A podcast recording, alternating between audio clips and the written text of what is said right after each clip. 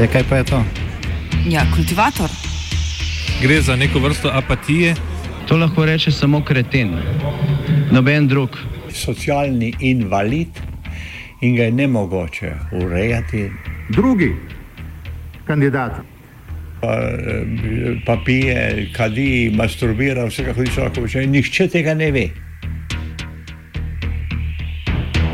Vsak petek skultiviramo dogodek tedna. Lahko po kriterijih radio študent, težko pa po evropskih kriterijih. Ampak na drug način, kot vi to mislite. Kultivator vedno užge. Da pač nekdo sploh omenja probleme, ki so, in da pravzaprav sploh nekdo sproži dogajanje uh, v družbi. To drži, drži.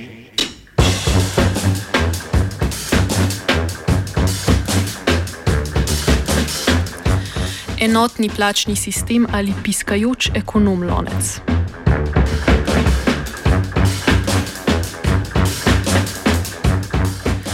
V luči zdravniške stavke, ki poteka že 11. dan, današnji kultivator posvečamo obravnavi obstoječega enotnega plačnega sistema.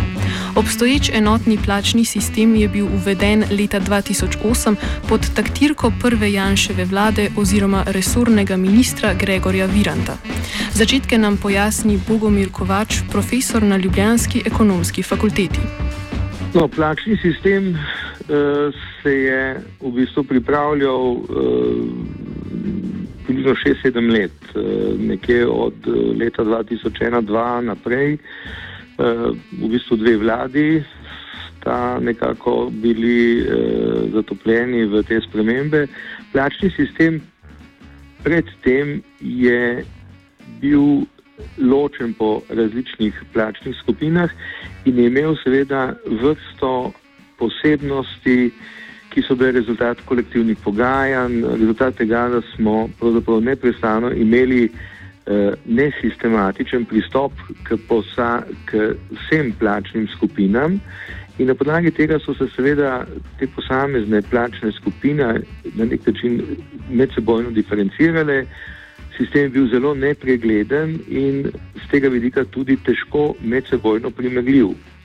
Imel pa je seveda ločitve, kar pomeni, da je združeval vendarle skupine, ki so bile znotraj med sabo veliko bolj primerljive. Od to dalje je bila plačna reforma usmerjena k nekemu poenotenju zaradi teh različnosti, ki jih predtem niso nadzorovali, in uh, na koncu se je seveda godil ta tako imenovani enotni plačni sistem za javni sektor, ki je zelo podrobno razdeljeval uh, poklicne skupine in, jih, uh, in različne, seveda, plačne razrede in jih medsebojno dejal na skupni imenovalec. Okoliščine uvedbe novega sistema bolj podrobno razloži Miro Haček z Fakultete za družbene vede. Enotni plačni sistem je nastal takrat, ko se je reformiral sistem javnih uslužbencev. Implementiral se pa je precej kasneje, saj je bilo težko najti dogovor z vsemi deležniki v tem procesu in se je začel uporabljati dejansko šele v zadnjih letih uh, Janševe vlade. Eh, zdaj, eh, ta enotni plačni sistem kot enotni dežnik združuje čisto vse zaposlene v javnem sektorju, od eh, zdravnikov do učiteljev, do vojakov, do policistov, torej precej, precej različne v resnici skupine zaposlenih in vse te različne poklice, različne kategorije razporedi v 65 plačnih razredov. Pri tem pa seveda je posamezen poklic naprej definiran znotraj nekega razpona, znotraj nekega range, uh, od tega do tega plačnega, plačnega razreda. Torej, za vsak poklic je definirano njegov stopni plačni razred in potem najvišji možni plačni razred. Kaj so po njegovem mnenju ključne prednosti in slabosti enotnega plačnega sistema? Kovač.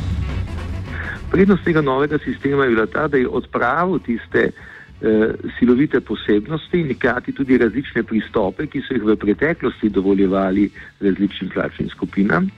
slabost tega sistema pa je bil ta, da je pravzaprav neprestano kaj izpuščal, skratka, nikoli ni do kraja bil dosleden, in eh, na drugi strani je kakršna koli sprememba ali prilagoditev tega enotnega plačnega sistema zahtevala spremembo, seveda, in prilagoditev vseh plačnih skupin. Drugo mnenje slišimo strani Hačka, ki enotni plačni sistem še vedno vidi kot učinkovit.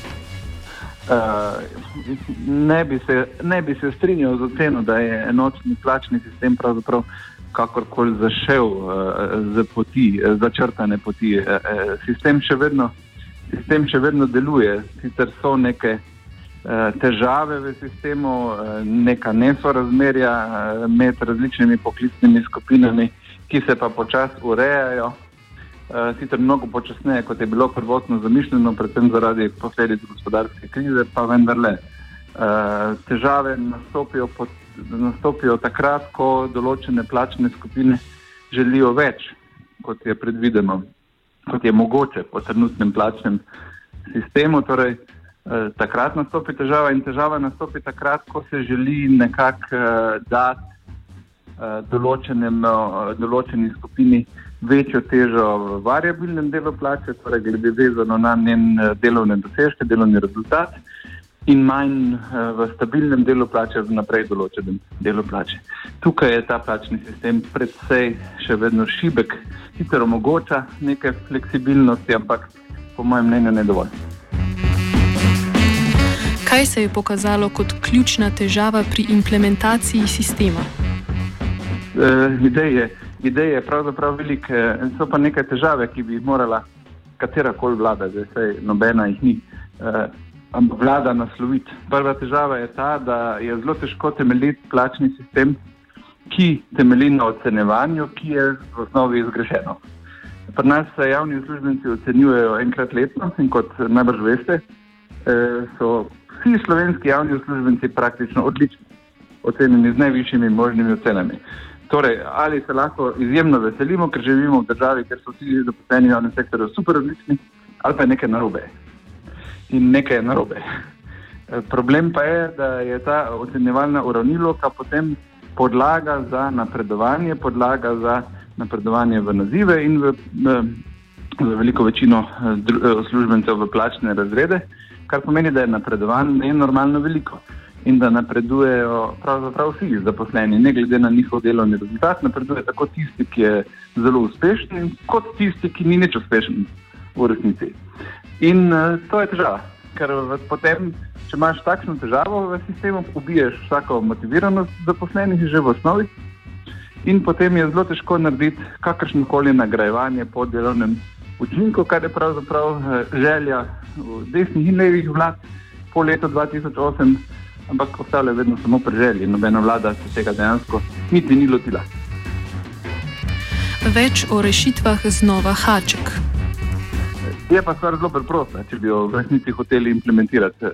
Lahko se uvede prisilna distribucija ocen, kar pomeni, da tisti, ki ocenjuje zaposlenega, bi lahko samo določenemu odstotku dal najvišjo oceno, določenemu odstotku bi moral dati nizko oceno in potem bi dobili napredovanje, ki bi vendarle bolj odražalo rečva, uh, realno stanje, realno uspešnost zaposlenih in bi plačni sistem dejansko potem zaživel v tistem delu, kjer je bil osnovi tudi zamišljen. Ena izmed ključnih težav pri razumevanju sistema, predvsem tistim, ki jim je ta namenjen, je obvezno poznavanje prevelikega obsega pravnih virov. O tej problematiki govori Haček. Sistem je eh, precej pravno zapleten, eh, zato ker je precej obsežen, ker združuje eh, pod en dežnik 160 eh, tisoč plus zaposlenih v javnem sektorju. In eh, dokler imamo en sistem za vse zaposlene v javnem sektorju, bo neobhodno sistem zelo zakompliciran. In eh, kar je huje, eh, sistem ne more obstajati sam po sebi. Ob sebi potrebuje tudi dober sistem evalvacije dela vseh zaposlenih potem pa potrebuješ dober eh, sistem javnih uslužbencev. In vse troje skupaj, če vržete, je precej obsežno, precej zapleteno. In uh, realnost je, da ta, te tri sisteme v Sloveniji obvlada realno manj kot deset ljudi. Po grožnji sindikata Fides o izstopu iz enotnega plačnega sistema se je vlada znašla v nerodno nezavidljivi situaciji. Več o tem, kaj za državo in del javnega sektorja, ki se odloči osamosvojiti iz enotnega plačnega sistema, takšno dejanje pomeni, nam obrazloži Kovač. Če bi recimo zdaj neka skupina šla na svoje, je s tem seveda pridobila nekaj manevrskega prostora, da bi lažje oblikovala notranja razmerja. Ne?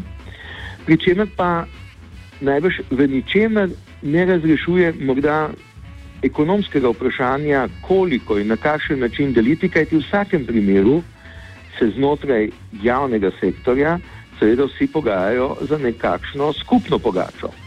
Se pravi, sam po sebi položaj v ekonomskem smislu se načeloma v nobenem primeru ne izboljša, se pa lahko izboljša manevrski prostor, zato da neka skupina pravzaprav lažje najde svoj dogovor, kako razdeliti posamezne dele ali se znotraj tega tudi pogajati na vzven, veliko bolj določeno, glede svojih nekih zahtev.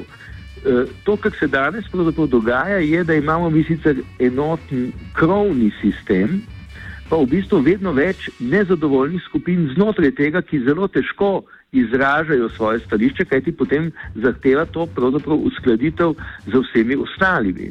Ne? Če bi neka skupina šla torej ven, ne, ali če bi se vse skupine razvezale, potem bi se seveda morali sprejeti najprej novi sistemski okviri za njihov medsebojni dogovor in hkrati tudi seveda za neko delitev.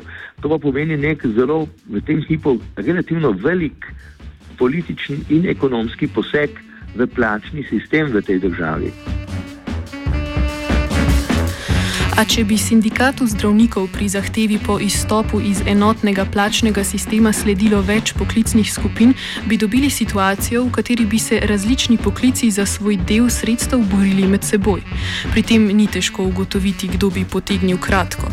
A zaenkrat to vrstnega izuzema zdravnikov po mnenju Hačka ni realno pričakovati.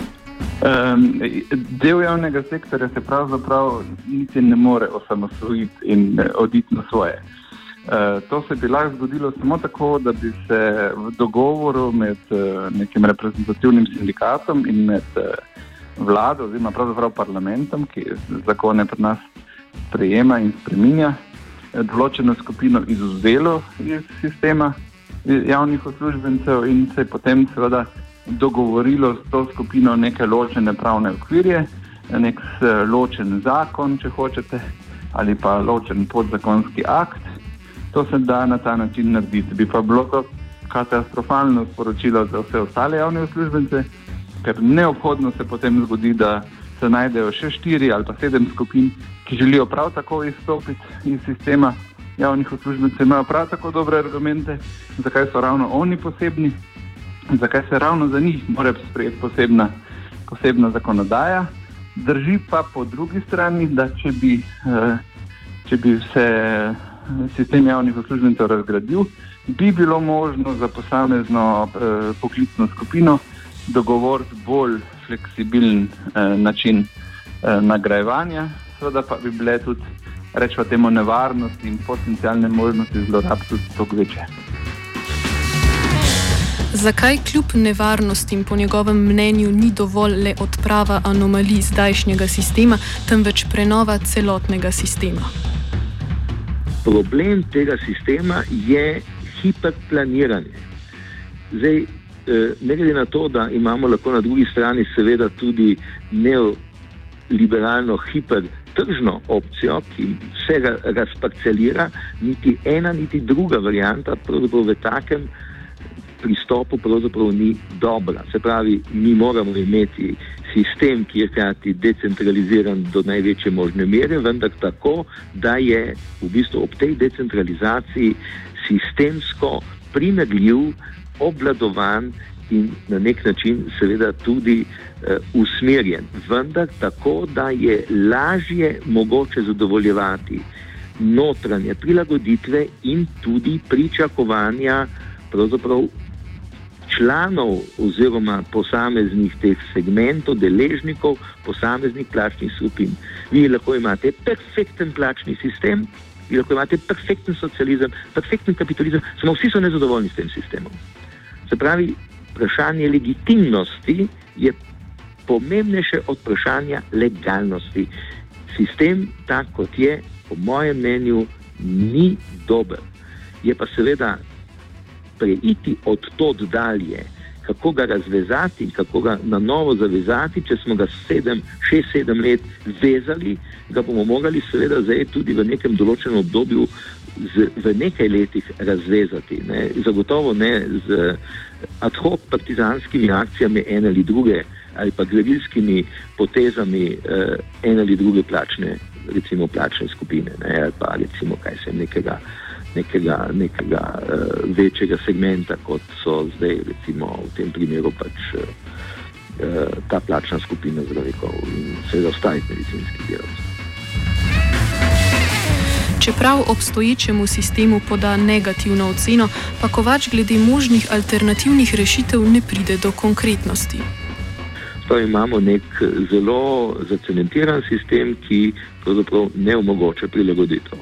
In eh, eno ne drugo je slabo, zdaj v tem hipu je najbrž edino realno, da se skuša vlada nekako izpogajati in nekako vzdrži eh, to obdobje. Hkrati, če bi bila dovolj pametna, bi seveda morali na tej osnovi začeti s celotno reformo tega sistema, celo, celovito, se, jaz tako strokovno ocenjujem, decentralizacijo vendar eh, ne tako, kot si jo mi običajno predstavljamo v nekem eh, eh, liberalističnem kontekstu, da vsak seveda dela, kar hoče, oziroma da se vsaka plačna skupina potem oblikuje in bori seveda in si skuša pridobivati svoje vire, ampak znotraj tega moramo imeti zelo skupna, jasna pravila igre, kako zadeve razstaviti, da jih sestavimo na novo.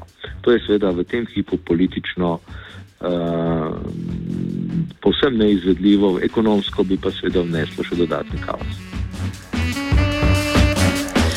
Da je obstoječ plačni sistem neučinkovit, meni tudi Rajko Pirnat z Ljubljanske pravne fakultete, ki si predstavlja dve rešitvi. Prva je razbitje enotnega sistema na več malih podsistemov. Slejte, enoten plačni sistem, recimo seveda za uradnike, pa spet enoten za, na drugi strani za te varnostne službe, torej policiste in vojake, pa enoten za izobraževalni sistem, saj srednje in osnovno šolstvo. Uh, to se mi zdi še spremljivo, ker tam so ureditve podobne. S tem, uh, s to prokrustovo posteljo enakega in enotnega plačnega sistema, da pa več čas same težave, je pa res, seveda, v njej politiki uživajo, ker se jim zdi, da lažje obvladujejo. Vse dele javnega sektorja, vedno se zgovarjajo enega drugega, da bo še tam povzročalo težave. Potem zelo so zadovoljni tudi z tega fiskalnega gledišča, seveda, nekoliko lažje obvladovati javne izdatke. Druga alternativa, ki jo predlaga Pirnat, pa je uvedba menedžerskih metod v javni sektor. Zdaj, kaj seveda je alternativa? Alternativa je ravno to, ne? torej v uh, upravnem delu javnega sektorja, za tistega je pravzaprav ta plačni sistem tudi dovolj primeren in, in za nje pravzaprav zgrajen. Uh, ne pa za vse drugo. Uh, in um, In uh, um, tam ga je treba mogoče nekoliko izboljšati, nekoliko prilagoditi, ampak za tisti del, to pa pomeni preprosto za upravne organe države in za upravne organe lokalnih skupnosti, je ta plačni sistem primeren.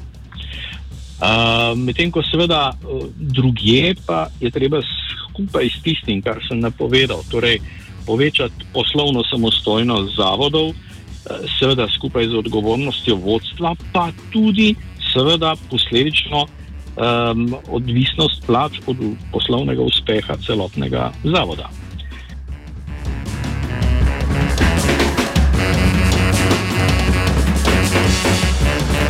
Plačni sistem je kultivirala Sara.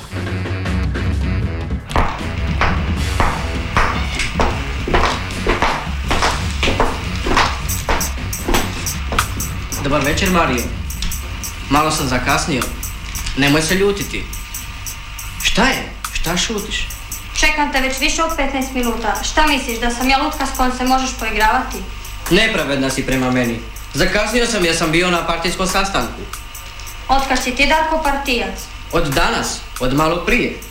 Upravo dolazim sa sastanka mjesne organizacije Saveza komunista. Primili su me za člana. Oh, Bože, Šta je? Zar te to ne veseli? ni najmanje. A ja se vidiš time ponosim. Mogu li čuti razlog tvog negodovanja? Ti dobro znaš mog tatu.